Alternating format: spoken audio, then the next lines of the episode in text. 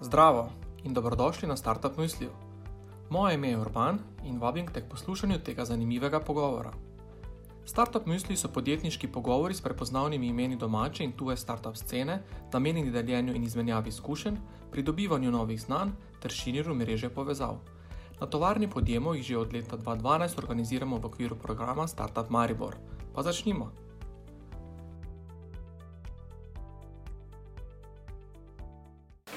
Dobro večer in eh, še enkrat dobrodošli v, v Kibli.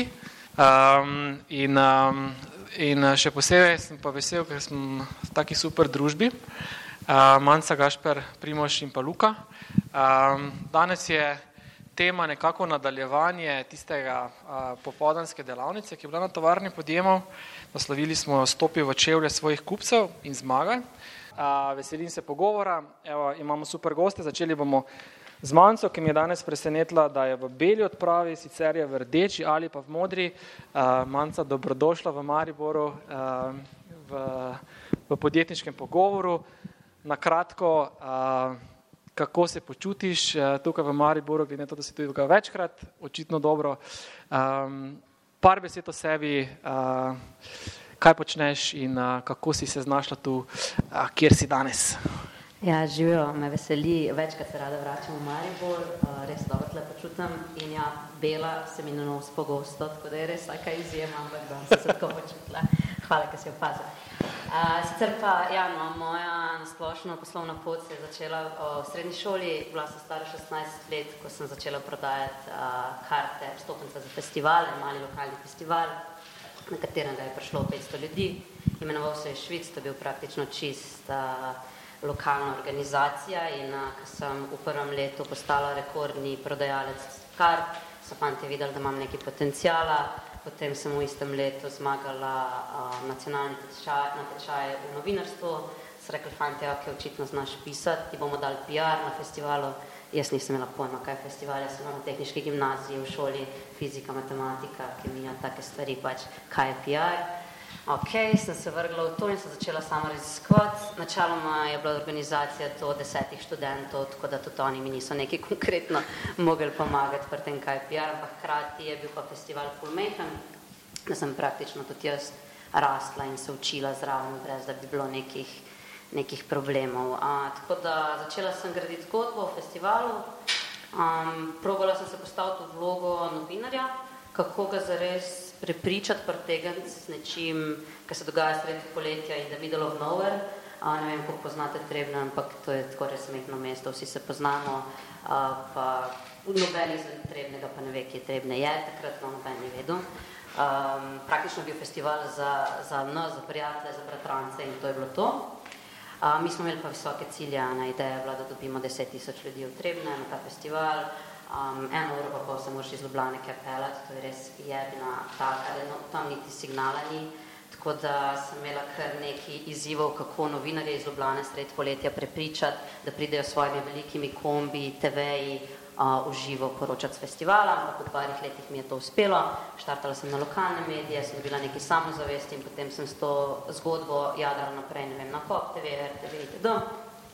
In uh, po parih letih so me presenetili, so prišli kaj um, sem jih lepo sprejela, so se imeli bolj dobro, so naredili odlične prispevke uh, in s časoma smo prišli do tega, da uh, sem potem prevzela tudi marketing na festivalu v celoti uh, in pa festivalje ali pa šestih letih smo uspeli priti do tega cilja, da smo imeli deset tisoč obiskovalcev, kar je bil pač za ekipo desetih študentov res velik uspeh. No. Tako da tudi na nek način se je trebne postavilo na mapo nacionalno, sploh v teh študentskem svetu. Uh, in to je bila ta neka prva odskočna deska, uh, ki mi je dala neko samozavest, suverenost, da, da nekaj znam narediti in umestno še študirala turizem.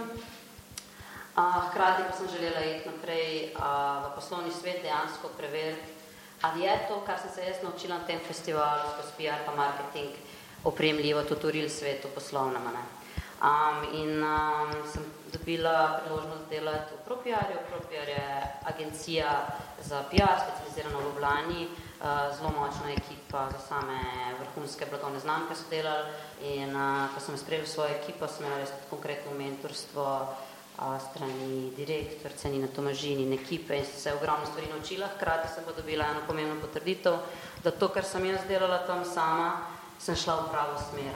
Um, in mi je bilo to res velik, velika, pomembna stvar, da sem takrat dobila nek dodatno samozavest uh, in jadrala naprej. Polis PR-ja me je zelo hitro začel vleči v start-upe to je pač moj uh, passion že od samega začetka. Um, če mogoče samo malo nazaj, v študentskih letih smo imeli podjetniški, uh, podjetniški ne krožek, ampak predmet. In uh, smo tam mogli predstaviti neke zanimive slovenske poslovne zgodbe. In jaz sem takrat odkrila podjetje Calypso Crystal. To je bilo podjetje za luksuzne usnjene ovitke in iPhone, ki je iz Slovenije izdelovalo ovitke za 200-300 evrov in jih prodajalo v Ameriko in v Azijo za full velike keše, zelo uspešna poslovna zgodba, pa hkrati ročna izdelava v Sloveniji in sem videla, ker to je bilo času največje krize, takrat, ko pač noben imel sploh keša, da smo pač to main je bil S-budget jogurt, oni so pa začeli prodajati ovitke za 200-300 evrov v tujino in mi je bilo tako full fascinantno, kako se uspeš z dobrim positioningom pa z dobro nišo uh, pride do nekih tujih kupcev, ki pa imajo denar. In tle sem se v bistvu naučila tega luksusnega pozicioniranja, oziroma da če najdeš svojo nišo, svojega idealnega kupca, lahko praktično karkoli želiš prodaš. Um, in tukaj sem prevzela na začetku čist basic job, customer support, mogla sem se naučiti komunicirati, mogla sem se naučiti reševati krizne situacije, ker to je šlo za malo lokalno produkcijo in tle je bil kriznih situacij ogromno. Um, tako pač recimo zamujali se z dostavo oziroma pač niso bile stvari on time narejene, ni bilo treba veliko teh stvari reševati in na drugi strani so customeri, ki so zapravljali po tisoče evrov in niso dobili svojih produktov in je pač um, zelo veliko teh skill setov treba bilo razviti. Uh, kasneje sem pa prevzela še social media, PR in pa na koncu sem tudi že v bistvu sama kolekcija razvijala skupaj z mojstrom, um, kar se mi je zdela tudi dobra, dobra izkušnja. Um, in iz tega start-up sveta sem potem šla nazaj v agencije, kjer sem bila zelo kratek čas, ker sem ugotovila, da agencije niso za me, ampak da sem start-up web in jaz travam občutek, uh, da vidim, kaj, kakšne rezultate prinesejo moje stvari v agencijah, pa to malenkost malo manj omejeno. Tako da sem pol uh, zelo hitro nazaj iz agencije skočila v Viberate. To je pa od Umeka startup, ki orje gladino v niši glasbene analitike v svetovnem merilu tam sem imela tudi ogromno nekih priložnosti, da čist nišno raziskujem in iščem opinion liderje in jih probam, jih probam prepričati, da je to nek produkt, ki ga oni rabijo. Imela sem dostop do svetovnih glasbenih uh, zvest, pa sem nekako mogla biti suverena do njih, kljub temu, da mogoče nisem v enem trenutku imela toliko samozavesti, ampak sem je mogla zikrati da sem jih prepričala, da pač sem dosti suverena, da jim povem, da je to pač nekaj dobrega. A, tako da ja, no, to je bil Viberate, pa sem pa zdaj zadnji dve leti pa pol na Voltu, kjer v bistvu kot vodja marketinga skrbim 70% svojega časa namenam na strategiji pa analizi, kjer razmišljam o tem, kdo so naši kupci, a, delam segmentacije, razmišljam, kako jih negovati, kako ustvariti višjo lifetime višji lifetime value, um, in kako na pameten način izkoristiti ta, ta budžet, ki ga imamo. No. Vrhunsko, uh, Manca, v čast nam je, da si tukaj z nami. Uh, hvala lepa za ta uh, kratek uvod uh, in impresivni, uh, uh, impresivni karierno pot za uh, tvoja rostna leta, uh, ki jih ne bom izdal uh, uradno. Lahko, jaz nimam problema s tem. um, Gašper, uh, nadaljujemo s teboj. Um, Preko smo klepetali, v bistvu, če bi se izrazil v bistvu, uh, uh, poročnem uh, žargonu, imaš za databoxom v bistvu srebrno poroko, srebrno obletnico poroke. Uh, zdaj vsi tisti, ki ste v zakonu, veste, koliko je to, jaz ne vem. Uh, Gašper nam boš ti malo povedal, uh, kakšna je tvoja zgodovina sodelovanja za databoxom, kje si začel in uh, kako si se, kje, kje si danes. Uh, ja, moja pot uh, se je tudi začela pri 15 letih. Dejansko uh, so me spletne tehnologije, takrat spletne strani, uh, spletno oblikovanje res navdušile. Celo v bistvu otroštvo sem se s tem ukvarjal. Uh, pač, uh, to je bilo na prelomu tisočletja, takrat če mogoče spletni oblikovalec ni veljal kot nek resen poklic. In sem rekel, jaz moram nekaj študirati, pravo me je od nekdaj zanimalo, da sem pač takrat zašel na neko drugo pot, se pravi, uh, začel sem neko dvojno življenje na nek način, se pravi študij prava, pripravništvo, pravosodni izpit in tudi delo v pravo. Sporedno pa seveda sem pa še vedno bil v teh spletnih vodah, se pravi izdelava spletnih strani, spletnih aplikacij. Uh, tako da deset let je bilo nekega dvojnega življenja, bilo precej naporno. Uh, pred desetimi leti pa ja, sem rekel, zdaj pa se moram specializirati, uh, pravo sem dal na stran in uh, full time z databoxom. Ne. Najprej kot oblikovalec, vmesnik uporabniških izkušenj, kasneje sem začel voditi front-end ekipo, potem za zadnjih pet let pa produktno ekipo databoxa. Ok, verjamem, da Volt vsi poznamo, zdaj ja. uh, malo manj sem prepričan, da vsi poznamo Databox, uh, daj nam malo še te uh, razsežnosti tako zelo uh, sramežljivega podjetja iz uh, Ptuja, ki pa v bistvu uh, uh, ima vse prej kot uh, sramežljive razsežnosti in svetovne rezultate. Uh, ja, uh, Databox je uh, ustanovljeno bilo pred desetimi leti, oziroma praktično malo več. Uh, šli smo čez faze podjetniških inkubatorjev oziroma pospeševalcev uh, ameriških uh, v Bostonu že od vsega začetka smo bili nekako orientirani na globalni trg. Šli smo čez tiste začetne dneve, kjer je pač bilo neplačeno delo, bili smo entuzijasti. Uspelo nam je dobiti prvo investicijo skladov teh tveganega kapitala ameriške, to je bilo 2015, takrat smo dobili 4 pa nekaj milijonov.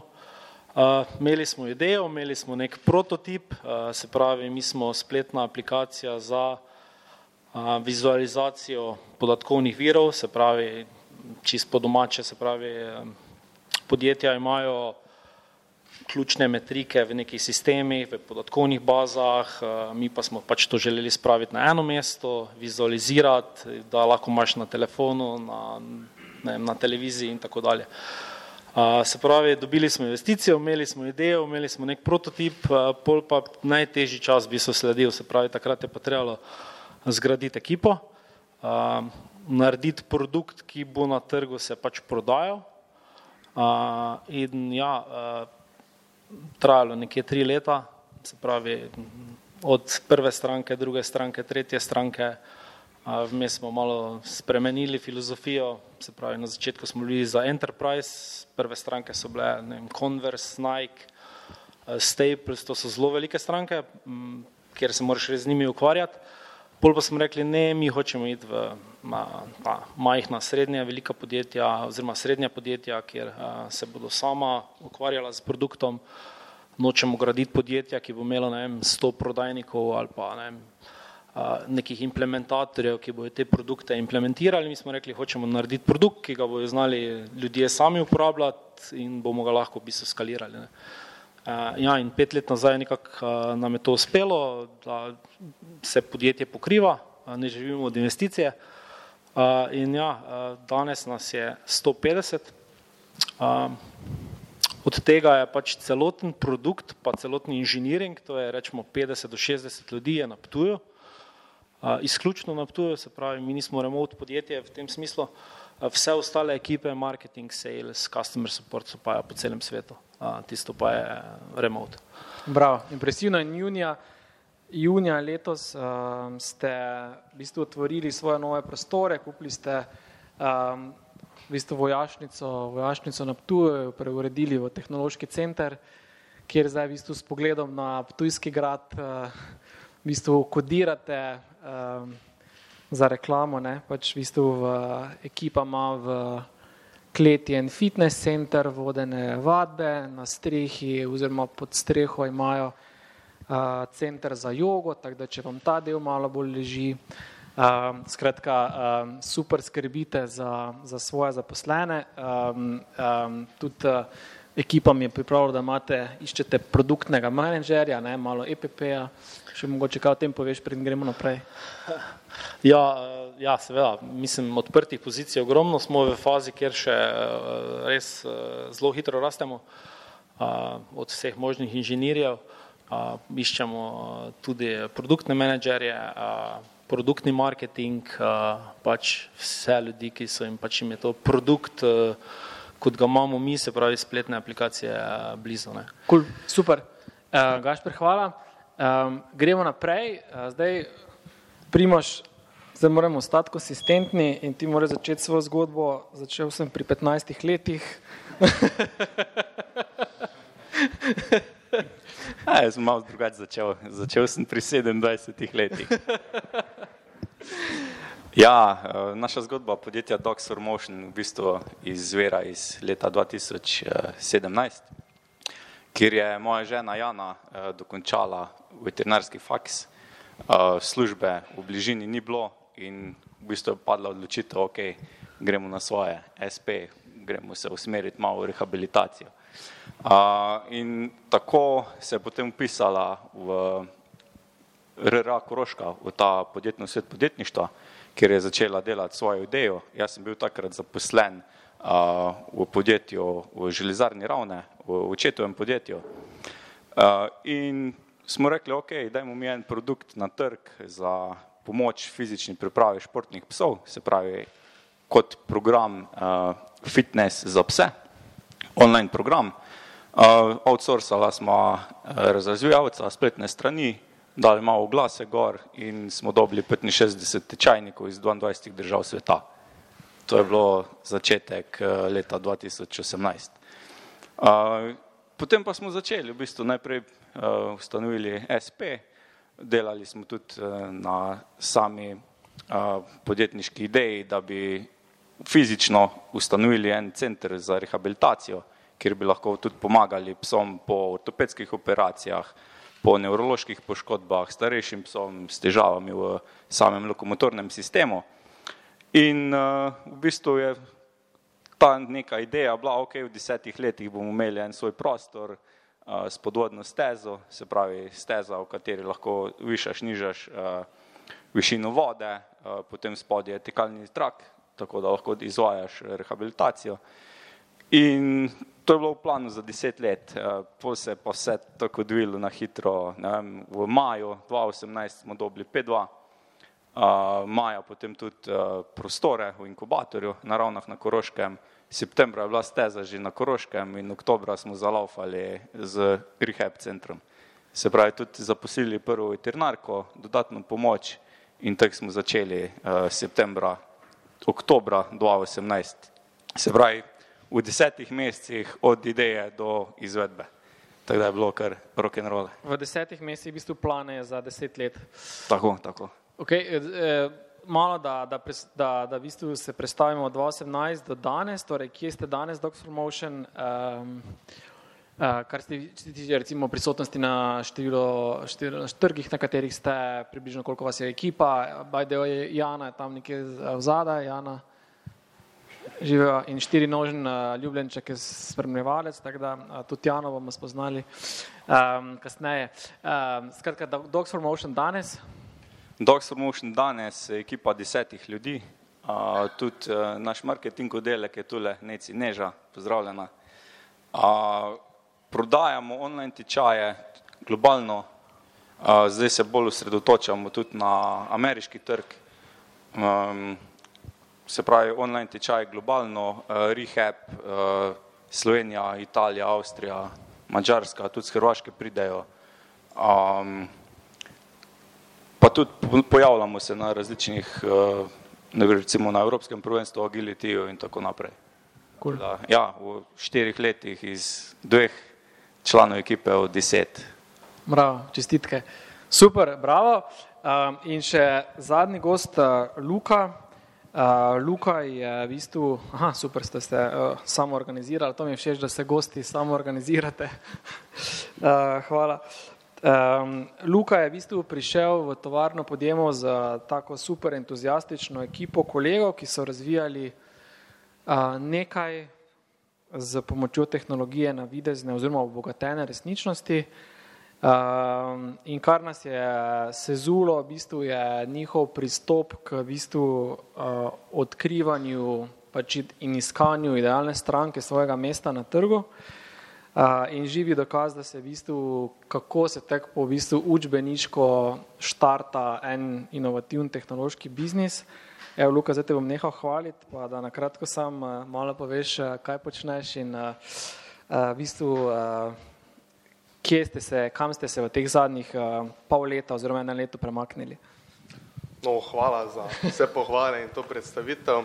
Ja, v bistvu Začeli smo z ekipo Fourth Vision par let nazaj, v bistvu se že poznamo od srednje šole in smo potem tudi na faksu še bili sošolci, pa smo se pač skupaj večkrat odločili, da bomo šli na kako tekmovanje, kaki hackathon, ker so, smo pač tudi podobne ideje razvijali. Na enem hackathonu smo pa pač razvijali ravno nekaj v stilu z z obogateno resničnostjo, torej to tehnologijo, smo se odločili, da bomo to dalje razvijali. In potem smo se tudi prijavili na pospeševalnik pri vas in smo potem skušali ugotoviti, kako zdaj v bistvu s to tehnologijo narediti nek biznis oziroma kateri produkt bi bil najboljši. Začeli smo tako, da smo v bistvu želeli smo narediti platformo, ki bi bila za vse, torej bilo kakšno vsebino obogatene resničnosti hočeš narediti, bi jo lahko na naši platformi. In pol preko nasvetov, pa tudi pač nekako naših lastnih raziskav smo ugotovili, da to malo verjetno ni najboljša ideja. Pol smo se pa lotili v bistvu iskanja te naše vertikale, kjer bi v bistvu na ta lahko naredili neki produkt, ki bi dejansko pil vodo. Bilo je bil kar dolgi proces, no, smo v bistvu raziskali ogromno področij, kjer je torej ta tehnologija uporabna in smo na koncu prišli do tega, da kje mi vidimo največjo uporabnost, je ravno v prodaji pohištva, torej da si lahko dejansko postaviš neki izdelek, torej pohištvo, recimo kavč ali karkoli, s pomočjo telefona v svoj prostor. In ja, zdaj nekako na tem delamo že kar en čas, tako ja pol leta nekje in je bila kar pot razviti sam produkt oziroma še razvijamo, trenutno pa seveda iščemo zdaj naše, našega prvega partnerja, s katerim bi lahko razvijali to rešitev in šli naprej.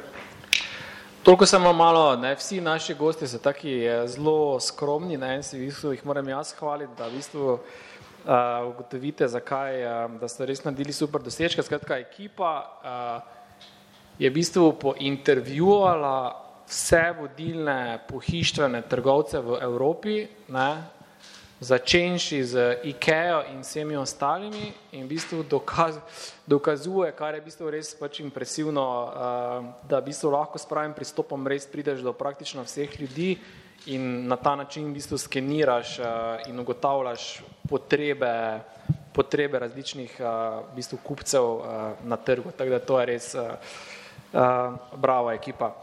Evo, zdaj smo v bistvu spoznali naše goste, smo se v bistvu ogreli, da vemo približno, kdo smo, kaj počnemo, od kod prihajamo. Zdaj, v kolikor imate že kako vprašanje na tem mestu, lahko kar poštartate ali pa v bistvu meni prepustite še en krog vprašanj. Da vidim, če se je že kdo ogrel. Ni se še, okej, dobro, en krog še vam dam prednosti, pol pa štartamo. Manca, vračam se k tebi in pa, in pa Woltu. Skratka, prej, ko smo govorili, ne, bom kot izhodišče vzel Lukovo začetno idejo, delali bomo nekaj za vse. Ko imamo, ko pomislimo na Wolt, bi rekel, da je, da so, da smo ciljna skupina praktično vsi, ki imamo mobilne telefone, več ali manj vsi ljudje nekaj tudi jemo ali pa v bistvu konzumiramo in bi lahko rekli, da je ciljna skupina praktično so vsi. Ampak gotovo boš me tukaj popravila, da ciljna skupina Wolta niso vsi in zdaj me pa zanima, kako v bistvu pri vas nekako definirate tega vašega idealnega kupca, ali to samo ena skupina ali jih je več, in kako potem to persono v bistvu uporabljate pri svojih aktivnostih, torej trženjskih, logističnih, ponudbenih in tako naprej.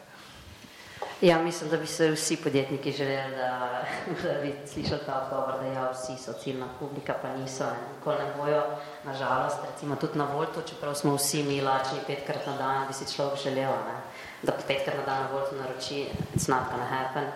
Um, ampak ja, um, mi smo se v bistvu tega lotili tako, da zelo veliko raziskujemo. No? Štirikrat na let naredimo brand tracking survey, to je neka klasična raziskava, ki je 300 ljudi znotraj dostavne cone naključno um, vprašamo skozi neka anketna vprašanja, a kaj a naročajo, a zakaj ne naročajo, zakaj, kako pogosto naročajo, kaj manjka, kaj cenijo itd. In na podlagi tega lahko zelo jasno vidimo, kdo je naša ciljna publika in kdo ne, kje nam manjka, um, kaj si ljudje želijo, kaj zares cenijo. Mogoče ena čistko on the top of my mind, ena zgodba. Uh, imeli smo približno deset različnih taglineov naštimanih, oziroma deset različnih USP-ov, unique selling pointov, se pravi, kje smo, deset točk, kjer smo mi najboljši, boljši od konkurence, boljši od vsega. In moj direktor, pač nadrejeni si želel, da mi to vse komuniciramo v marketinških kanalih. Ne? In ne vem, imamo najboljši, najhitrejši customer support. Se pravi, nekaj gre na robe, v 30 sekundah ti bomo odpisali. Napišeš na Volt uh, support, v 30 sekundah ti bo Anja z Volta napisala in našla rešitev, našla tvojega kurirja, če se nekje zgubil itd. The best, super. Ampak potem, ko smo gledali skozi rezultate brand tracking servija, smo ugotovili, da noben ga ne zanima, uh, da imamo najboljši customer support, to te zanima še takrat, ko gre nekaj na robe. In da bi mi dali tagline um, na plakat, mi imamo najboljši customer support, no one cares, dokler ni nekaj zares na robe. In bolj, ko smo šli globje v te raziskave, bolj, ko smo poskušali razumeti potencijalne kupce in različne segmente idealnih kupcev, bolj smo razumeli, da je uh, unique selling point samo eden in to je dostava v 30 minutah. Ne. To je tist, kar človeka pretegne, tist, kar je drugač, kar predtem ni obstajalo, ker si pač ti halo pica poklical in si čakal dve ure in nisi vedel, kje je tvoja pica, bo prišla, ne bo prišla.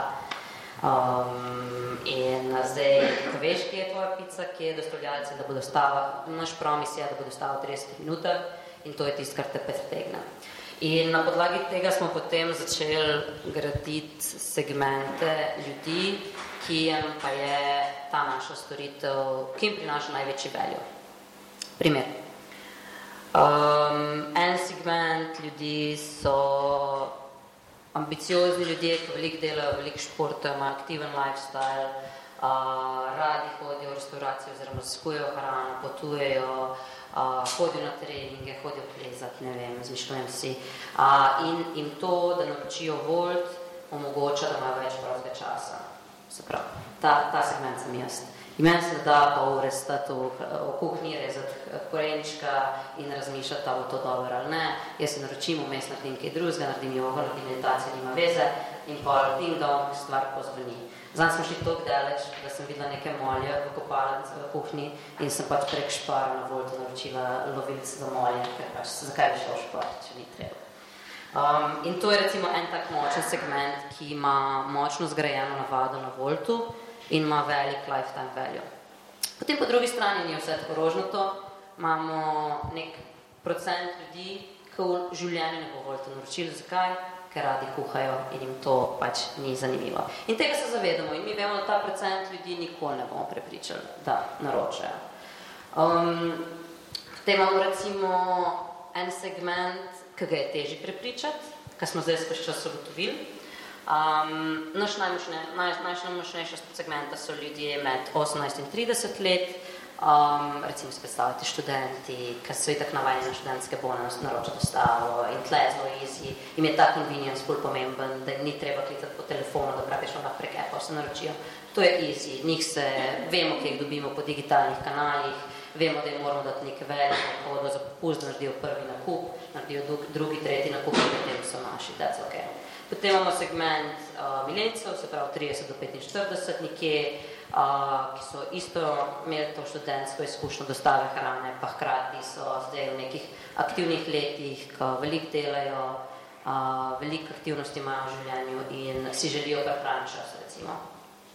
Potem imamo segment, ki je malenkost ki nam predstavlja recimo malenkost večji izziv, to so pa ljudje nad 45 let, ki kljub temu, da smo mi zelo masovno in oglaševali, in zelo taktično oglaševali na digitalnih platformah, na TV-jih, skozi influencerji, itd. Nikakor nismo mogli narediti tega nekega preskoka močnega v mass adoption uh, v tem segmentu. Jaz se pričem ful angliških izrazov uporabljam, ker več moj delovnik je skupaj z regionalnimi šefi iz Finske in mi je ful težko prevajati, bom da razumete, če pa ne, pa imam jaz prekinte, pa bom pojasnjena. Um, v glavnem, pri segmentu 45 plus letnikov smo šli potem malo in-depth raziskovati, kaj je zares problem, zakaj oni naredijo nakupa. Ne? Se pravi, dobili so en kup digitalnih oglasov, videli so nas na TV-ju, po mestu, ko se sprehajajo, vidijo dostavljalce z volt torbami, um, vse praktično, vse posod smo jih pospema, ampak nismo naredili tega prvega nakupa. In potem smo šli skozi to brand tracking raziskavo uh, gledati, kaj je razlika.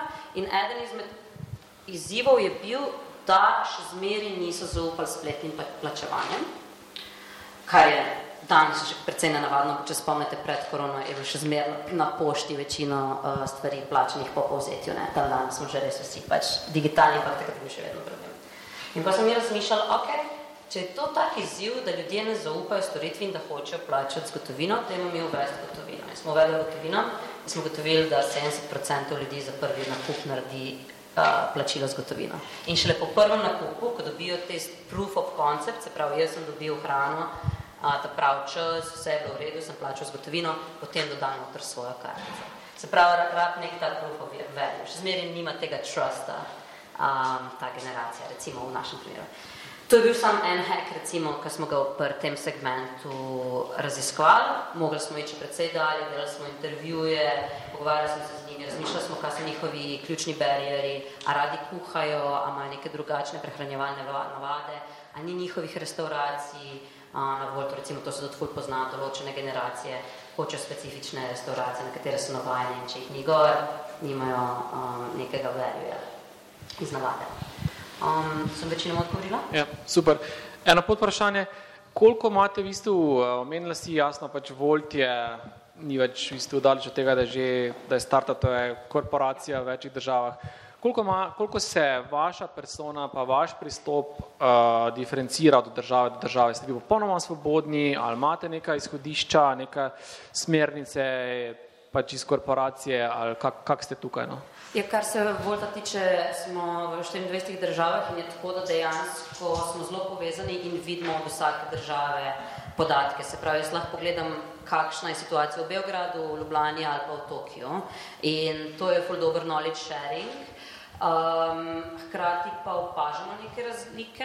Zelo je vezano na lokalni marketinški tim, kako bo brand pozicioniral uh, in cenovno in strateško, na kakšen način, s kakšnimi partnerji se bo povezal, to je izključno v naši domeni, kar se mi zdi zelo pomembno, ker uh, dobimo totalen, totalno zaupanje iz strani centrale, recimo na Finskem, Manca, ti si vodja marketinga tle, ti točno veš, kaj Slovenija rab, ti pozicioniraš blagovno znamko, kako želiš.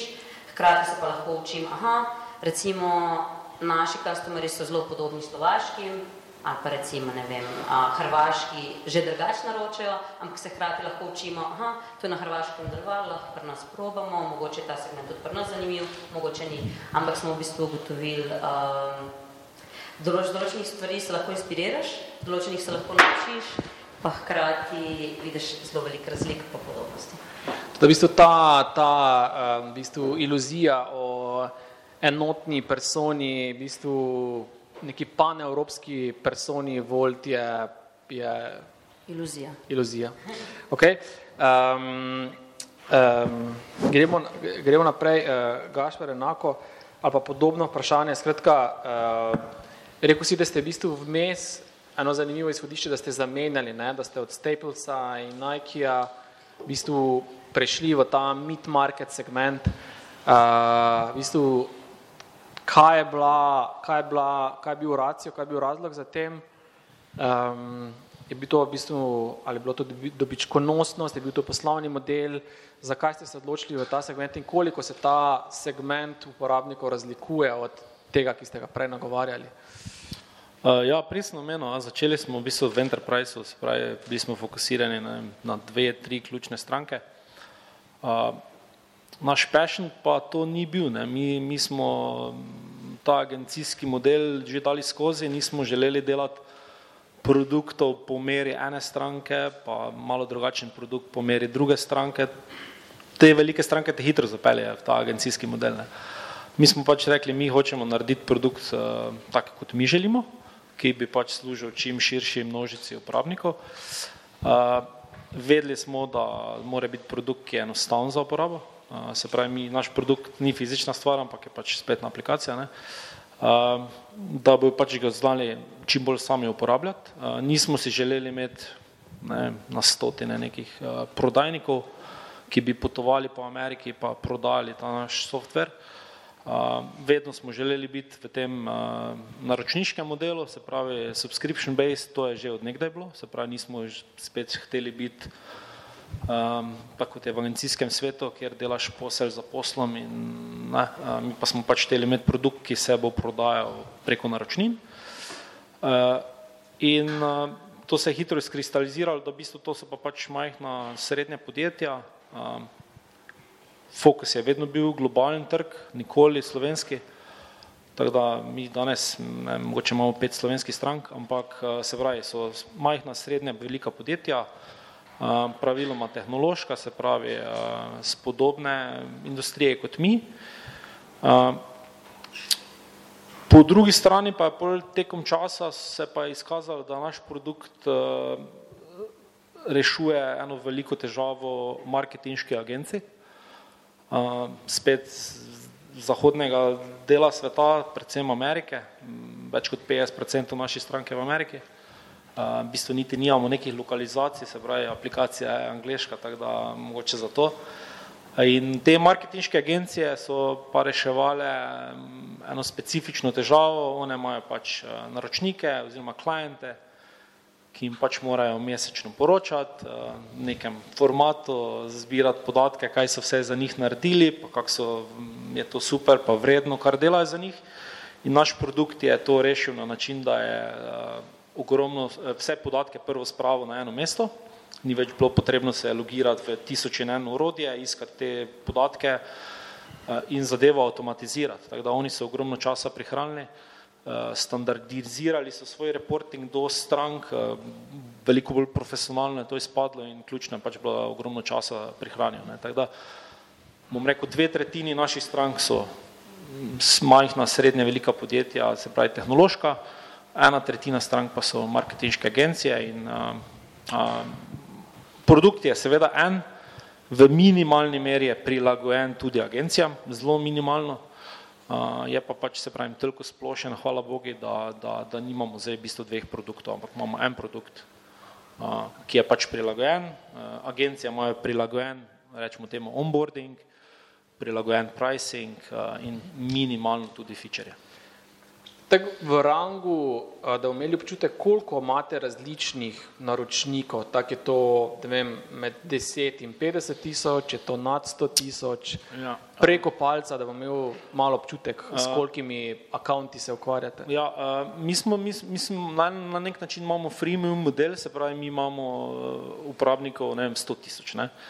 Ampak plačljivih strank pa imamo malo manj kot 3 tisoč, Se pravi, oni nam povprečno plačujejo okrog 200 dolarjev na mesec, tako da čista matematika okrog 600 tisoč na mesec prinese to na računin in tu smo pač v tem segmentu, to so majhna podjetja oziroma srednja podjetja. In zdaj v bistvu, če isto vprašanje, kot je bilo v bistvu za manjce, ta iluzija enotnega uporabnika paneuropskega volt storitev, bistvu vi pa ste vseeno na nek način imate globalnega, tipičnega uporabnika, torej zdaj pač tega recimo, kaj je en agencijski uporabnik, druga je ta eh, SMB, da kak ste vi v bistvu zdefinirali, verjetno izmed neskončno želj in prilagodite vsakega posameznika po produktu, kak ste ujeli neko to zlato sredino nekega idealnega produkta, kdaj ste rekli, in kje ste rekli, ok, to je zdaj, tu je meja, ta feature več ne gre notri, ali pa to je nek nabor featurev. Um, kak se tukaj v bistvu odločate pri takemu številu strank? Uh, ja, na začetku, ko pač iščeš ta produkt market fit, v tem obdobju zagotovo narediš uh, marsikaj.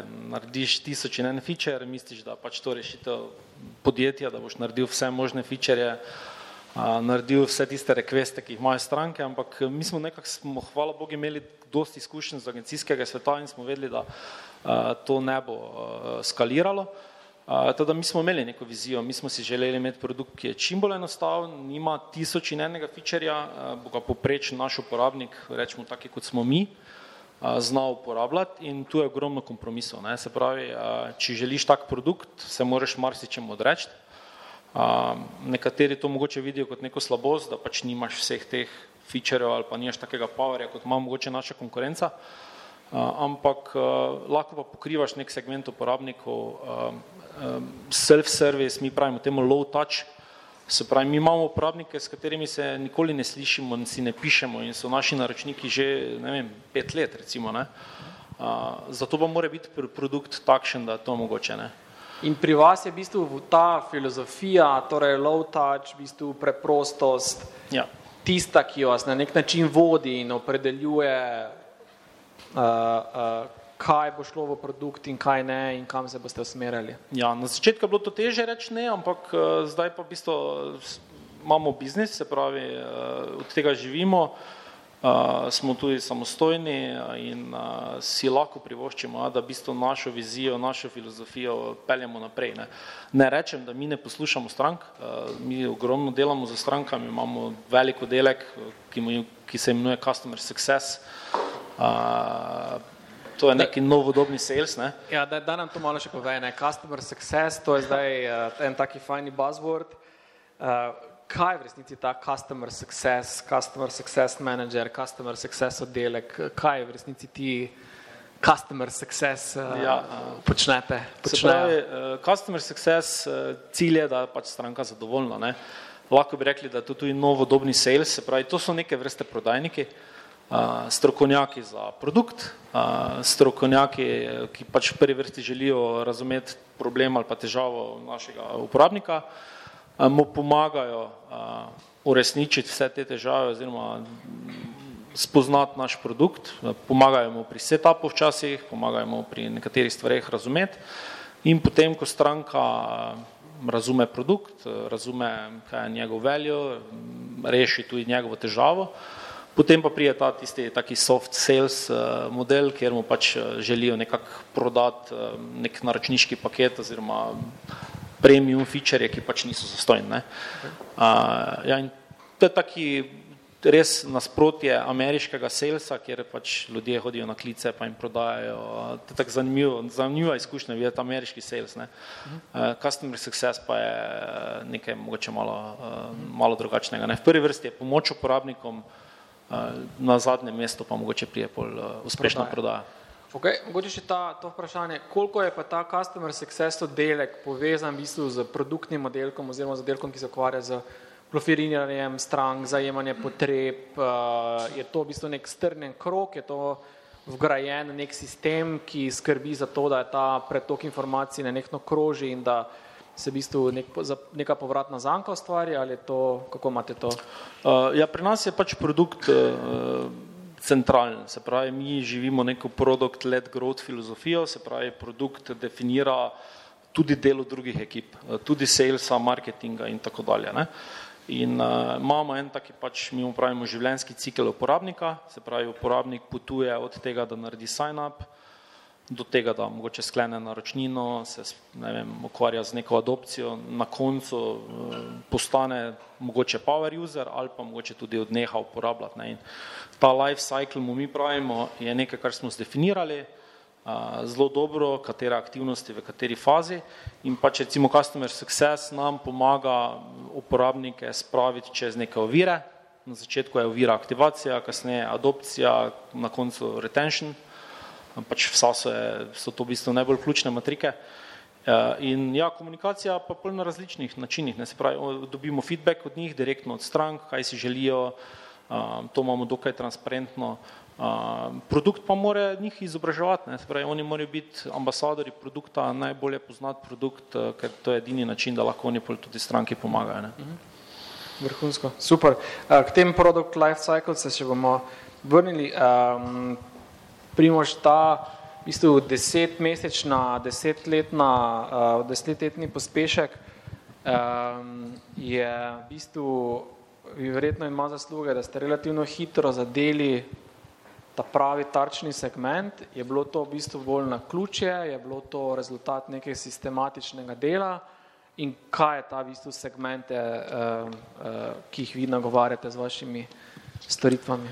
Z našimi online tečaji smo predvsem začeli v segmentu, kjer tudi sami smo, se pravi v samem uh, športno-kinoloških disciplinah, ki jih Jana v bistvu tudi sama s svojimi psi dela. Tudi smo v tem segmentu začeli.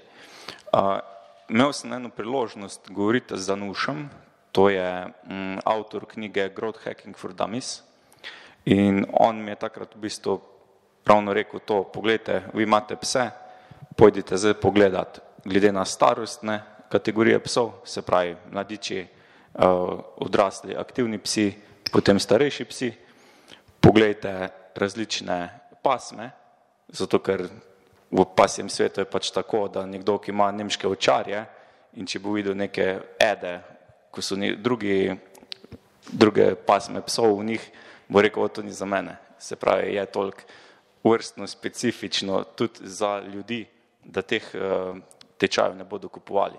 Teda potem je ta segment odvisno od pasem in na koncu tudi športne kinološke discipline, ki jih je na svetu preko 70. Teda dejansko lahko greš zelo specifično v kinološko disciplino, specifično v sam um, pasmo psa, pa potem tudi po starosti. Tako da v bistvu v teh vertikalah se lahko mi vse sprehajamo, ampak bi rabili res hudo veliko ekipo za vse to, tako da je treba vse skupaj malo prioritizirati in iti korak za korakom.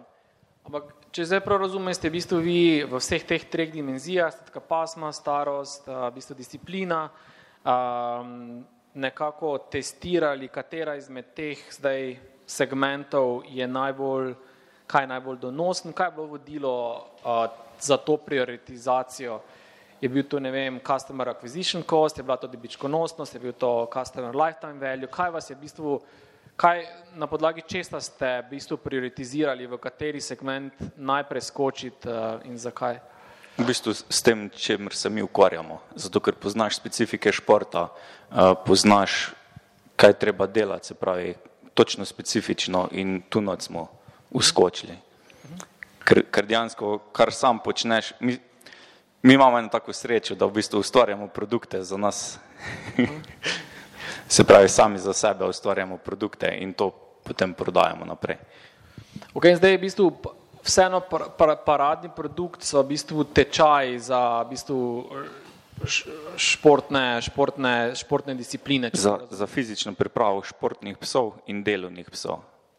In zdaj, kako lahko z tega narediš biznis, to nekaj v bistvu e-learning, uh, imate svojo platformo, so to neki videi, je to neki sklop video, malo nam mogoče o, o produktu razloži, samo da bomo ga razumeli. Ja, zdaj trenutno imamo ena, dva taka core produkta. Uh, to je e-learning, se pravi oseba, lasnik psa, kupi naš produkt, uh, se upiše v platformo, tam ga uh, vodimo preko chapterjev, lekcij, od zadnji imamo tudi support preko e-maila za avtomatizirano, tako da potem je to program šestih tednov, v katerem imamo pač learning objective, se pravi, da ljudje v teh šestih tednih usvojijo neke znanja, kar lahko delajo s svojimi psi, potem pa tudi naprej upselli novih produktov, advanced in tako naprej. Mhm.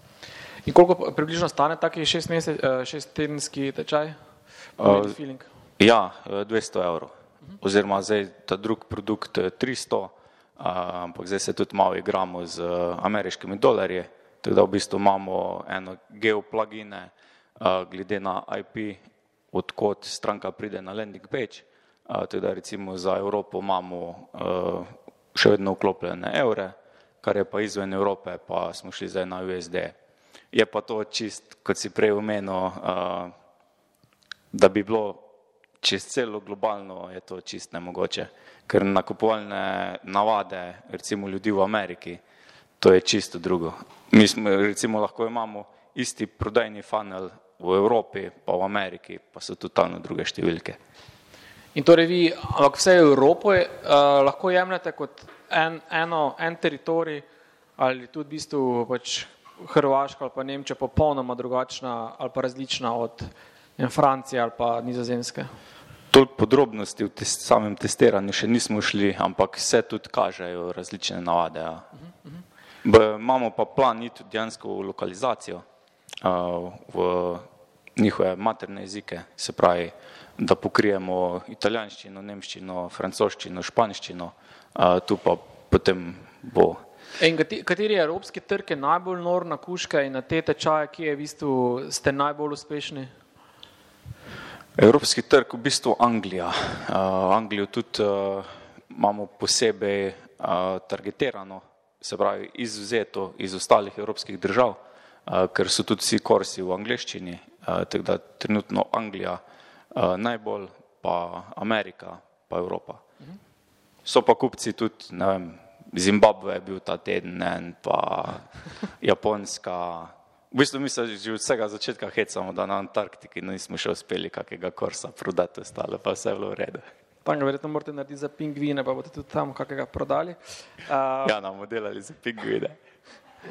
Easy, busy. Uh, kinološko, kinološki kor za pingvine.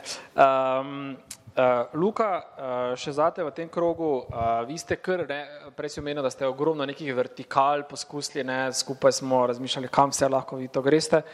In um, kaj so bile mogoče vaše izhodišne predpostavke, kaj, komu bi bilo to namenjeno in zakaj so se te izkazale za pravilne ali pa za napačne? Kaj vse ste testirali, malo nam, malo, malo nam prikaže to vso širino, kam ste vse šli, kaj v tistem Google Sheetu vse bilo zlistano notri?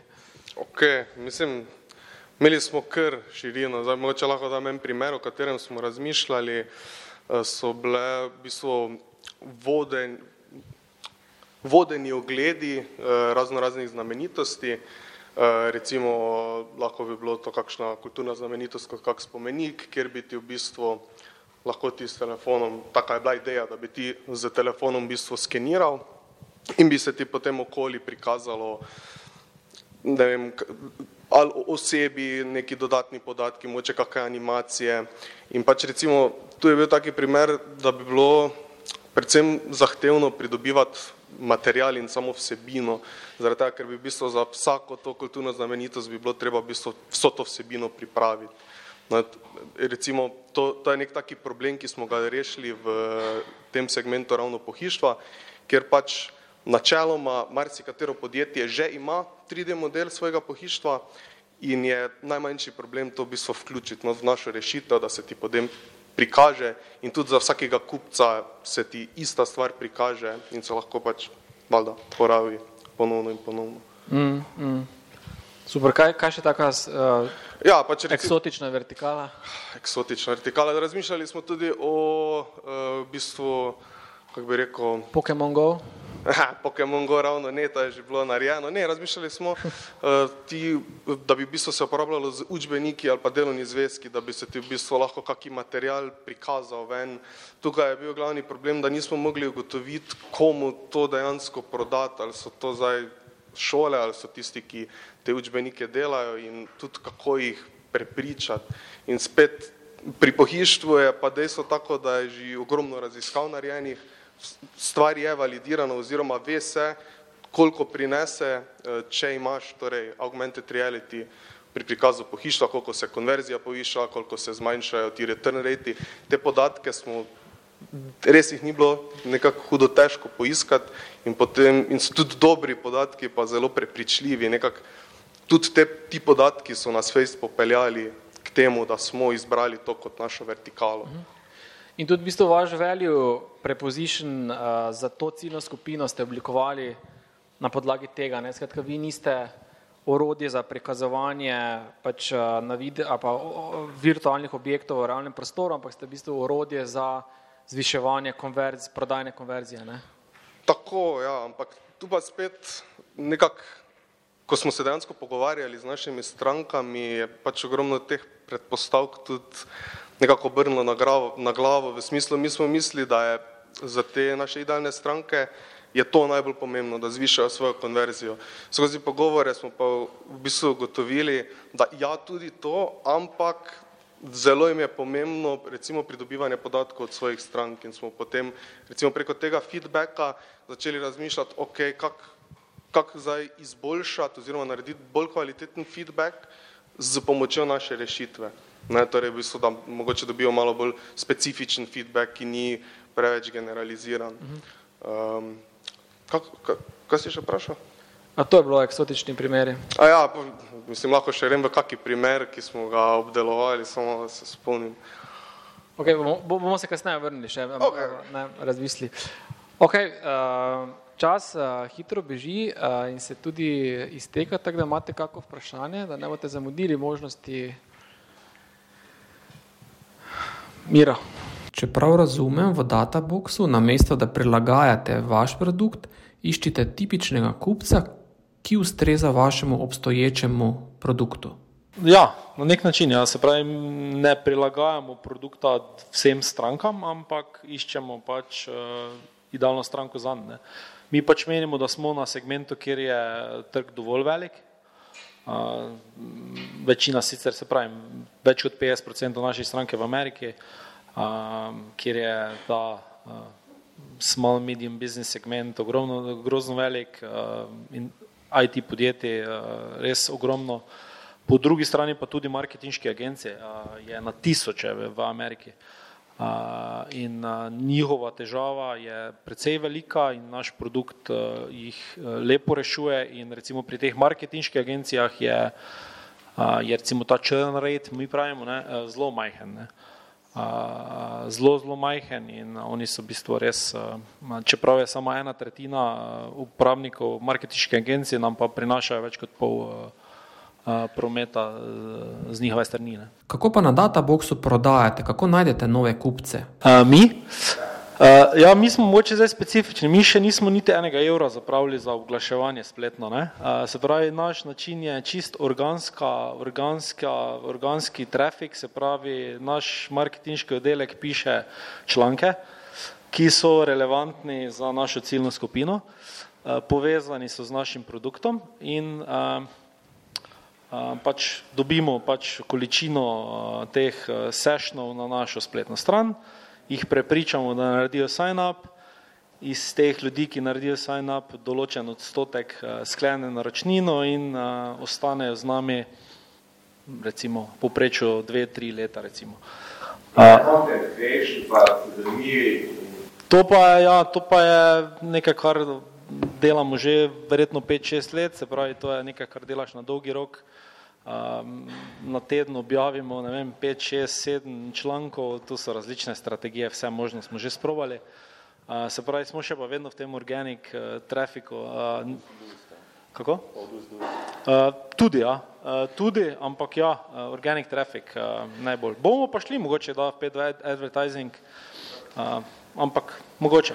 Torej v databoxu stavite na content creation kot magnet za vaše potencijalne stranke? Ja. E, še eno, eno vprašanje, podvprašanje hitro. Uh, Gašper, je to, da ste vi tako ukrojeni marketinškim agencijam, je razlog za to uh, tudi, da ste bili v Bostonu v bistvu v istih prostorih, prostorih kot je HubSpot in ste imeli ogromno interakcije z njimi, pa z njihovim osebjem, uh, ali je to bolj na ključe? Uh, ja, ja. Uh, mislim, se pravi, ni bil naš passion delati za marketinške agencije. Ne? Uh, ker sami nismo hteli biti agencija. Ja, je pa v določeni fazi, uh, ko se nam je pridružil pač naš CEO, uh, ne čist na začetku, on je bil uh, VP of Sales na HubSpotu, on je poznal ekosistem marketinške agencije res uh, do potankosti, osebno je poznal verjetno sto največjih ameriških agencij, uh, poznal je njihov pain uh, in uh, to je bil nek segment, ki se je pol v bistvu samo od sebe ponudil. Ne. Je, je, postal, je, je stopil v čevlje svojih kupcev. Tako je. Zmagal. Ja. Okay, super. Uh, še kako vprašanje? Izvoli. Me pa zanima onboarding proces za vaš produkt na databoxu. Torej, na kak način imate urejen proces, da se čim manj ukvarjate s stranko? Uh, ja, to je, um, se pravi, produkt je pač v prvi vrsti tak, da to omogoča, se pravi, je čim bolj intuitiven. Je pa to seveda rezultat tega, da smo naš onboarding proces že verjetno stokrat spremenili, naredili ne vem, sto eksperimentov, imamo zelo dober tracking, se pravi, mi vemo točno v katerem kliku se uporabnik vstavil, kaj je kliknil, kje, v katerem delu funnela, mi vemo, kdo je, kdo je on, se pravi, imamo neko firmografijo, se pravi, vemo, odkot prihaja, uh, vemo, katere tule uporablja. Uh, In ja, to je posledica ja, eksperimentiranja, analize zadnjih ne vem, pet let, kjer smo ne vem, sto tisoč strank spravili čez ta onboarding in se učimo, eksperimentiramo in delaš minimalne spremembe, ki pol naredijo mogoče 0,1% boljšo aktivacijo. Ne.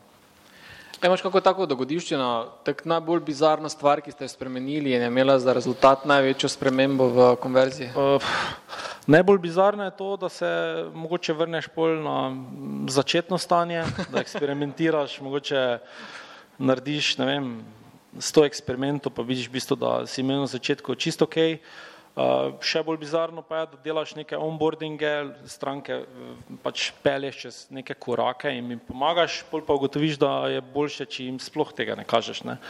in jih prepustiš uh, samemu sebi. Se tudi to zgodi, ne? se pravi, uh, vse možne bizarnosti so, uh, nekatere stvari včasih predvideš, pa si misliš, pa ti intuicija pove, uh, nekatere stvari pa so take, da, da dejansko moraš sprobati, uh, zmeriti in potem uh, lahko veš. Cool. Vprašanje? Samo. Za manjco. Prej je bilo vprašanje, če v Sloveniji implementirate kakšne dobre prakse iz tujine. Kaj pa obratno, se dobre prakse iz slovenskega volta implementirajo tudi v drugih državah? Ja, uh, imamo dosti dober um, ta sharing, sharing sessions razdelan na področju marketinga in na področju razvoja v posameznih državah.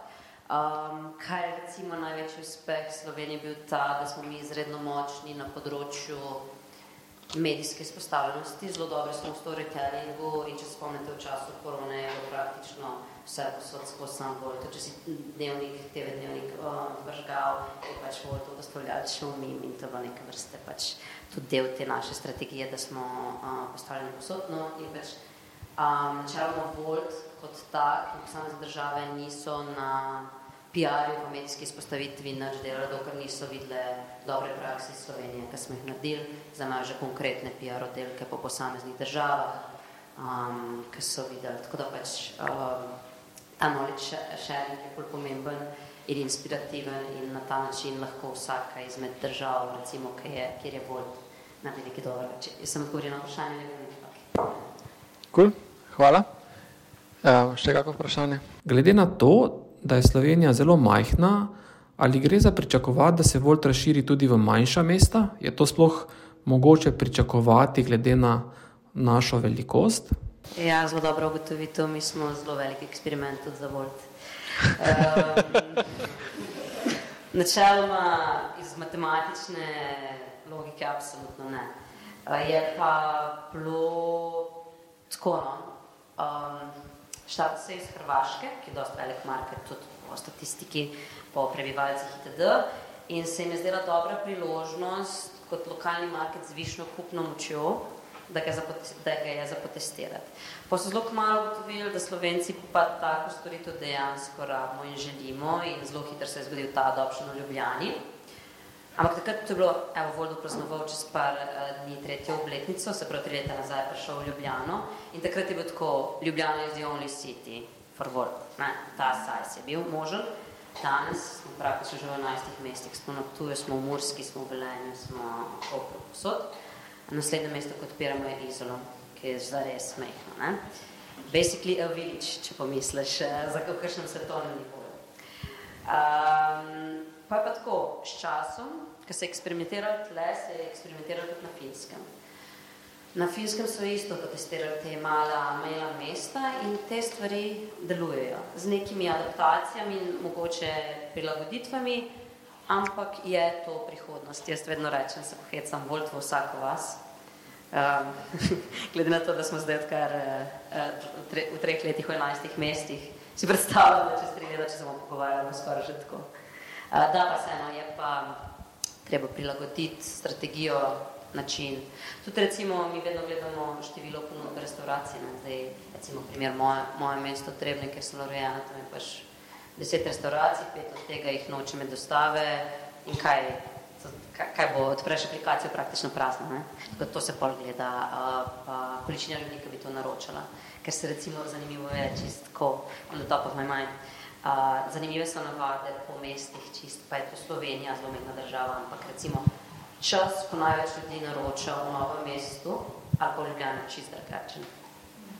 Recimo novo mesto, industrijsko mesto, oni ob 11. so že napolno lačno, lačni kosilo že jejo, ne? in ob treh že to drugem kosilo razmišljajo, v Ljubljani se po 12. enih začnejo pogovarjati. Ne? Ali je izziv širitve v manjša mesta izziv števila dostavljavcev? Večja mesta so namreč tudi študentska mesta, kjer imajo več potencijalnih dostavljavcev. Načeloma, dostavljalci niso nikoli problem, ker so zelo dobro finančno motivirani, tako da se zmeri najdejo. Bolje, večji pain recimo je prikaz restauracijam ali trgovinam, da je to nek benefit. Se pravi, da lahko dostopajo do uporabnikov, ki v tistem trenutku ne morejo do njih. Ne?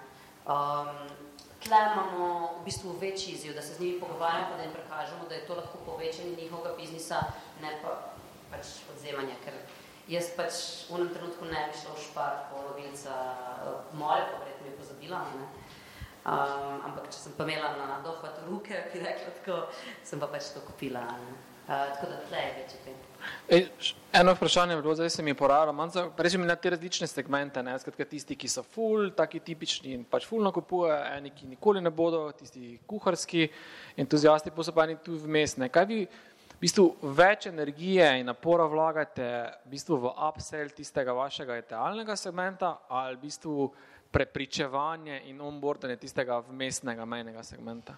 Ja, sigurno probamo prioritizirati tiste teske, ki nam bodo prinesli največji value. Se pravi, če imamo mi neke te super fene uh, in se lahko z njimi ukvarjamo, pa bomo pri njih, ne vem, če naredi deset nakupov na mesec, če bomo pri njih, vem, za 20% izboljšali količino nakupov, je na long term value večji in se absolutno splača. Uh, to ne pomeni, da se z non-converted ali pa lost segmentom ne ukvarjamo, To še zmeraj pomeni, da jim enkrat, dvakrat, trikrat letno pošljemo neko aktivacijo, neko kodo za pust, nekih značilnih problemov pretegniti, uh, ampak če se v tem trenutku ne zgodijo, ne postane naši customeri, je tako no, matematično, budget-wise, izguba časa tudi na, našega dela. Tako da raj se osredotočamo na dva segmenta, sicer te super fani in pa casual uporabniki, ki občasno naročajo, pa pravimo rajš pri teh casualih, spušča, da naredijo na mest en nakup na mesec tri, pa prvnih um, desetih, da jih naredi trinajst,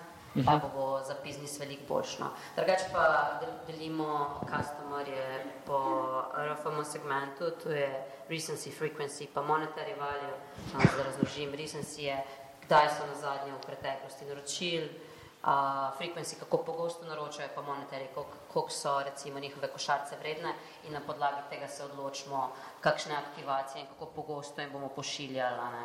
Uh, ali CRM, se pravi newsletter, push notification ali neke kode za popust, zato da zgradimo ta loyalty, oziroma povečamo njihov loyalty um, in da imamo long, uh, long term value višji. Mm -hmm, mm -hmm. Ful dobro. To je še vedno v bistvu ekonomika, zadaj kraljica. Izvoli. Na Voltu niso stranke lojalne samo eni platformi. Kako restauracije gledajo na konkurenco in primerjalne prednosti različnih ponudnikov platform za dostavo? Uh, v bistvu so restauracije zelo hitro dojele, da je tu njim dodatni marketinški kanal. To so recimo uporabniki, ki načeloma mogoče nikoli ne bi izvedeli za njih, ker restauracija, da vlaga v svoj marketing, je to zelo drago in da gradi svojo bazo uporabnikov. In eh, so to prepoznali kot to, da lahko pridobijo nove uporabnike, pa hkrati te obstoječe, ki so takrat v službi, ne morejo do njih, pač jim pošlje dostavo. Uh, imamo nekaj dobrih primerov, recimo ljubljanskih. Uh, hišo pod gradom poznate, uh, to so pizzarole, zihar ste že videli slikico. Uh, pizzarole uh, je bila jed, ki je hiša pod gradom, ena restauracija, ki je imela tradicionalne slovenske jedi, tam so šli ljudje iz okoliških pisarn na malco, nič posebnega, pa so pa začeli delati to neko svojo slavno jed pizza role. In so ogromno vložili v marketing, tudi mi smo skozi to, ta produkt videli potencijal in smo vložili skupaj z njimi. In kaj se je zgodilo? Razvili so neko popolnoma novo bazo uporabnikov, ki praktično sploh ne ve, kje oni fizično so. Se pravi, naročajo samo delivery in jim je samo produkt pomemben. Uh, hkrati so tudi spoznali, da hiša pod gradom obstaja in verjetno so, nekateri so šli tudi fizično ke, ampak niti ni pomembno. V glavnem hotel sem reči, da hiša pod gradom si na ta način zgradi čist neko novo bazo uporabnikov, ki prej ni imela dostopa do njih. Uh, hkrati za future business se je pa razvil tudi to, da so oni videli potencial, da ta dotični produkt niti ni, da ima še potencijal in so odprli še štiri lokacije druge po Ljubljani, ker so ugotovili, da ni pomembno, da imajo fancy restauracijo, polno, ne, pa da je samo pomembno, da imajo cool lokacijo za, za dostavo in šopajo na polno. Se pravi, oni so praktično iz ene male lokacije, male gostilne uh, pod gradom, odprli v Šiški, v PTC oziroma na kupenih lokacij. Se pravi, ni tako, da se jim jemlje biznis, ampak se jim dodaja dodatno biznis. Naslednji korak v tem svetu so cloud kitchens, katerih namen je predvsem zbiranje informacij o popraševanju na trgu.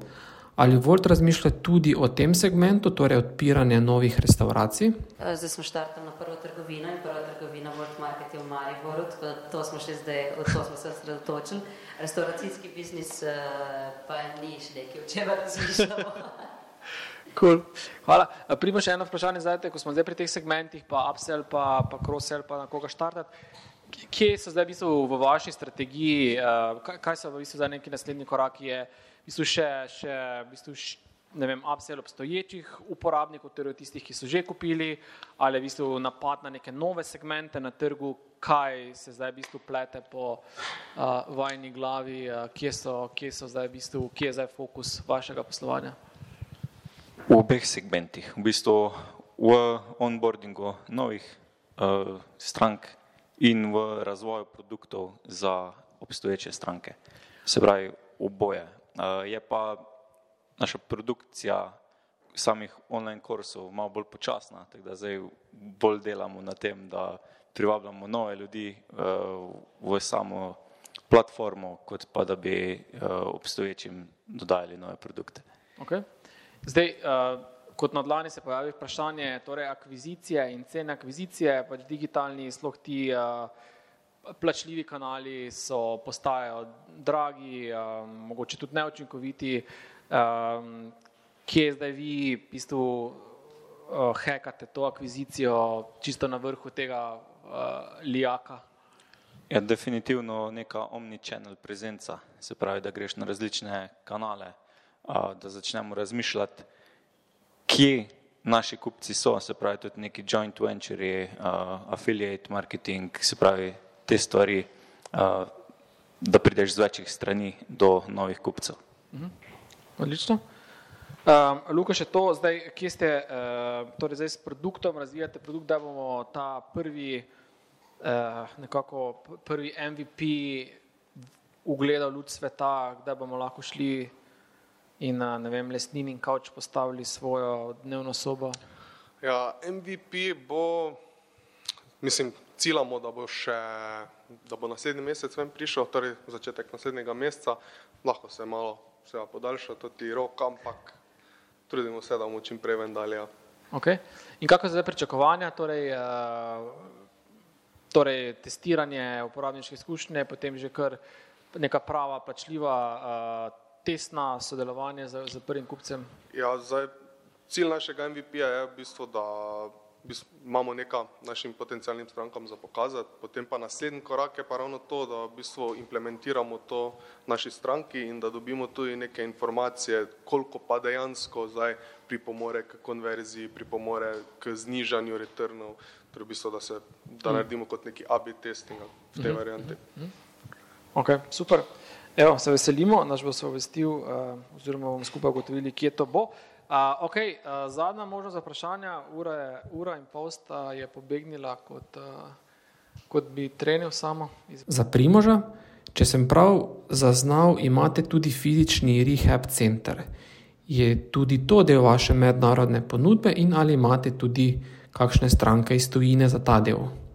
Ja, v bistvu, če so kakšni dogodki mednarodni, tu pri nas v okolici tudi pride kak uh, trener. Recimo imeli smo uh, osebo iz Švedske, ki je pripeljala svoje pse na check-up, uh, potem tudi pridejo recimo, ok, v Grčiji smo imeli en seminar in se je uh, lastnik psa pripeljal iz Romunije v Grčijo na uh, seminar in tudi na check-up, recimo, da tudi prihajajo iz tujine. Uh, je to zanimiva zadeva, ampak uh, je treba malo še razviti vse skupaj, se pravi, da bi tudi uh, dodali neko diagnostiko, možne rešitve zdravljenja z operativnimi in tako naprej, pa potem rehab.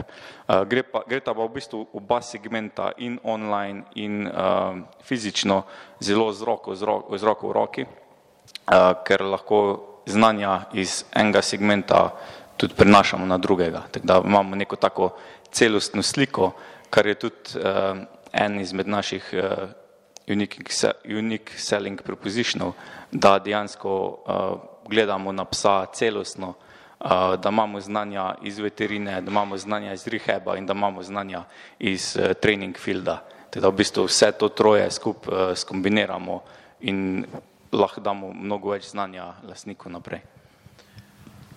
Ok, uh, super, hvala. Izvoli. Za Primoža, na kak način se promovirate in kateri je najbolj učinkovit marketinški kanal? Trenutno imamo kanale uh, Facebook, Instagram in email marketing. Uh, to je zdaj za začetek uh, delati. V bistvu Facebook dela še vedno dobro, sicer cene uh, za oglaševanje grejo gor, ampak uh, vseeno deluje. Uh, je pa plan tudi iti na druge kanale, ampak najprej moramo poovnati te, pa politi naprej na druge. Cool. Izvoli. Za Primoža, katero learning platformo uporabljate oziroma ste jo razvili sami ali uporabljate kakšno obstoječo? Čist prvi tečaj je bil v bistvu na naši lastni platformi, se pravi, to smo imeli na Joomla, kjer je bila tudi razvito od zadjo učilnica, vse ostalo, ampak je bilo zelo veliko dela. Pa tudi, če smo hoteli na hitro kaj spremeniti, je imela razvojna ekipa zelo veliko updateov, zelo veliko programiranja. Tudi da smo šli pol leta 2020 v bistvu prenovo, tudi z Majovo je smo imeli svetualne ure in smo v bistvu šli v pregled obstoječih ponudnikov teh learning platform in smo ugotovili, da so v bistvu neke tri glavne platforme, ki, so, ki se uporabljajo. Uh, to je bilo dejansko ravno na začetku korone in smo se pol odločili za eno platformo, ki je nam, bolj, ne, nam najbolj ustrezala uh, in je še vedno uporabljamo. Tudi, v bistvu to je kanadska platforma Thinkific. Thinkific. Thinkific. Okay. So, so pa še, ne vem, Kajabi se tudi uporablja, uh, Teachable. Uh, so, zdaj je še po koroni teh uh, platform malo morje. Se pa splača pogledati tudi uh, malo naprej, kakšne feature so, kakšni price pointi uh, te zadeve. Okay, zdaj za zaključek bi jaz prosil vse, um, da pomislite na mogoče en svet ali pa eno napako glede v bistvu določenega idealnega kupca, um, karkoli od tega, uh, vsak za eno svet, eno napako, uh, prigodo, skratka nekaj tak konkretnega, kar bodo lahko uh, uh, obiskovalci vzeli seboj uh, in si s tem prihranili kako modrico. Um, Medtem, ko pa razmišljate, pa bom Primoža vprašal še eno uh, vprašanje, gotovo se zdaj kot na, na dlani pojavlja vprašanje, kdaj boste šli tudi mogoče s kakim devicem, s kakim IoT-em, to vaša panoga je nekaj, kar je čisto uh, Mogoče se pojavlja ogromno nekih uh, naprav, ki jih lahko namontiraš psom, živalim, da so s tem, uh, jih, jih meriš uh, in tako naprej. Razmišljate, kaj v tej smeri, ali je to čisto nekaj, kar, kar ne opazujete? Moja ena taka ideja je, da bi toliko davče razvil, da lahko imaš virtualna očala gor pa vidiš zraven, kako dela inštruktor, pa zraven še svojim psu, da recimo delaš. To je ena taka ideja. Okay. Sem tudi recimo se pogovarjal z našo trojo iz Slovengraca, ko oni delajo te rešitve za energetske sisteme in tako naprej. Pa so mi rekli, pa čak še 10-20 let. cool, hvala. Um, Manco, začnemo s tabo z uh, napakami, uh, nasveti, prigodami za uh, preprečevanje modric, skratka, Bepanten tukaj v živo iz uh, Kivle. Ja, noč ni forever, ne? vse, kar sem se naučil, je res samo v enem trenutku in naslednjem že ne. Tako da pač stalna, stalnica je edina sprememba. Se pravi, stalno research, pa use your data, se pravi, uporabi vse podatke, ki jih imaš, vse informacije, ki jih imaš, pa ne se preveč um, zaciklati v to, kaj ti kot sam človek misliš, da je res, ker najverjetneje mogoče ni. Um, se pravi, pure data. Tudi če imate deset kupcev, pokličite jih, vprašajte jih, kaj oni mislijo, zakaj so kupili zares vaš produkt, zakaj ga niso dvakrat kupili, zakaj niso še enega nakupa naredili, zakaj, kak, predvsem meni je zanimivo vprašanje, pa zmer florado berem te stvari, da razumem zares njihovo mnenje. Kak, čist preprosto vprašanje. Kako bi pa vi opisali Volt prijatelju? Pa naj povejo, pa open-ended question, pa naj povejo, ker je čist drugače, kot ti misliš, da je. In tle vidiš, kaj kupcu zares prinaša pravi value, tvoj produkt ali pa storitev. Um, ker mi mogoče delamo marketingu, pa v podjetništvu vsi mislimo, da, da vsi razumejo produkt, koliko ga mi, pa ga najverjetneje ne. Tako da sem, um, pogovarjajte se z uporabniki in se učite iz tega, pač probite izključiti vse, kar imate predispozicije v glavi um, in na podlagi tega potem uporabite ta direkten statement ali direkt oglaševanju, pa boste videli, da se bo pač iz teh malega segmenta kupcev, da se bo full razširil sam use your data. Najbolj zabaven opis, ki si ga prebrala, Volta, se ga spomniš? Ja, Volt Market, na zadnje se zdaj raziskvala Volt Market, ki je v Mariboru, ki imamo 2000 produktov, kada bi šel v trgovino, kada bi šel v špasom, da ne moši, bi šla sem na Voltu, pa ti vse dostavno, kondome od sladoleta, pa malo pa dežnik, če rabite. No, in, um, in sem vprašala, kako pa bi ti opisal uh, Volt uh, trgovino. In je bila trgovina zelene. Okay. Pač, trgovina zelene. Greš, ležiš na doma na kavču in dobiš domov. Fuller. Okay. Cool, hvala. Uh, Gašper? Uh, ja, uh, na svet, ne vem, uh, zdaj, če gledam ta lijak, oziroma prodajni lijak, Uh, se mi zdi, da napaka, ki je moče dodela, da uh, mali jak, ki zelo pušča, pa vliva v njega vedno večjo količino. To se moče tudi dotika tega, da se moče marsikdo prehitro spusti v nek advertising, vliva ogromno količino v ta jak, uh, ne razume, kakšen je jak, nima ne trackinga, ne analitike in potem ni rezultatov. Ne. Uh, pri nas smo odšli čist drugo zgodbo, mi smo ta jak res do potankosti hoteli razumeti. Uh, In mogoče se bomo pa advertisinga lotili, ko bomo res tako confident, da, da, da ne bo puščal nikjer, no, oziroma čim manj. Mhm. Skratka, ko bo en milijon MRR, potem uh, bo Datavog začel oglaševati. Ja, mislim, ja, mogoče, ja. mislim, to je mogoče en taki joker, no, vse smešno. En taki joker, mogoče, ki si ga mogoče puščamo za kako rundo investicij. Uh, um, kjer pač moraš pokazati, kaj bi pa lahko ti naredil s tem denarjem. Ne? Mogoče je to nekaj, kar si moče puščamo še za prihodnost. Tak, da, bo kdo, ba, da, da bo kdo drug eks, uh, financiral ta eksperiment. Ja, recimo. Zakaj pa ne? Ja. Cool. Hvala, uh, Gašper. Ah, uh, Primoš. Moj nasvet. Um, v bistvu čim več podatkov dobiti nazaj iz, od, od svojih kupcev. In to potem prilagajati naprej na svojih produktih, na svojih sporočilih, uh, tudi na nivoju kreativ za oglase, na nivoju landing page-ov. Uh, ker recimo pri nas se je dogajalo, ne vem, smo dali v en oglas in smo imeli not pse, uh, border collie in pol spodje komentarje, ja, te vaje lahko delajo samo border collie, pokažite mi enega kavkaškega očarja, ko bi to naredil.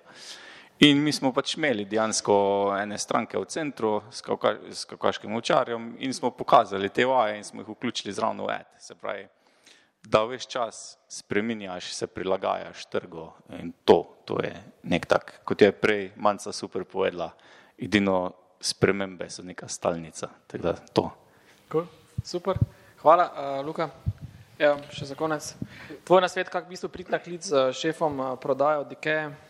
Ja, kar se tega tiče, bi rekel, glavno na svet je, da je treba biti strajen, vljuden, pa pač daleč pride kakšna pohvala, pa da sam sebe malo nižje postaviš od njega, torej da spoštuješ, kaj on dosego in kako znanje poseduje. Uh, pol, jaz bi rekel, da zelo pomembno je, da testiraš vse svoje predpostavke, pač včasih izveš kako informacijo od kakšne stranke in si misliš, to je za to. Mi smo gotovili, da zelo, zelo pogosto ni tako, kot si mi sami mislimo, predvsem kakšen vzrok ali pa kaj takega. Pa bi še rekel, da kar se tiče raziskovanja, je treba biti sistematičen, po mojem mnenju. Pač, uh, ful hitro se kaj pozabi, ful je fajn, da imaš organizirane zapiske, da imaš organiziran cel sistem, kje imaš kaj shranjeno, od kere stranke, da lahko hitro najdeš, ker zel, pač zelo pogosto boš rabo te stvari, ki si jih izvedel od mhm. svojih strank. Ja, vrhunsko, en velik aplauz za to omizje. Hvala lepa. Ti je bilo všeč? Da ne boš zamudil novih epizod, klikni subscribe. Veseli pa bomo tudi tvoje ocene, komentarja in delitve, da za nas vedo še druge radovedne glave. Pobrskaj po naši bogati zbirki pogovorov, gotovo se v njej skriva še kaj zate. Se slišimo!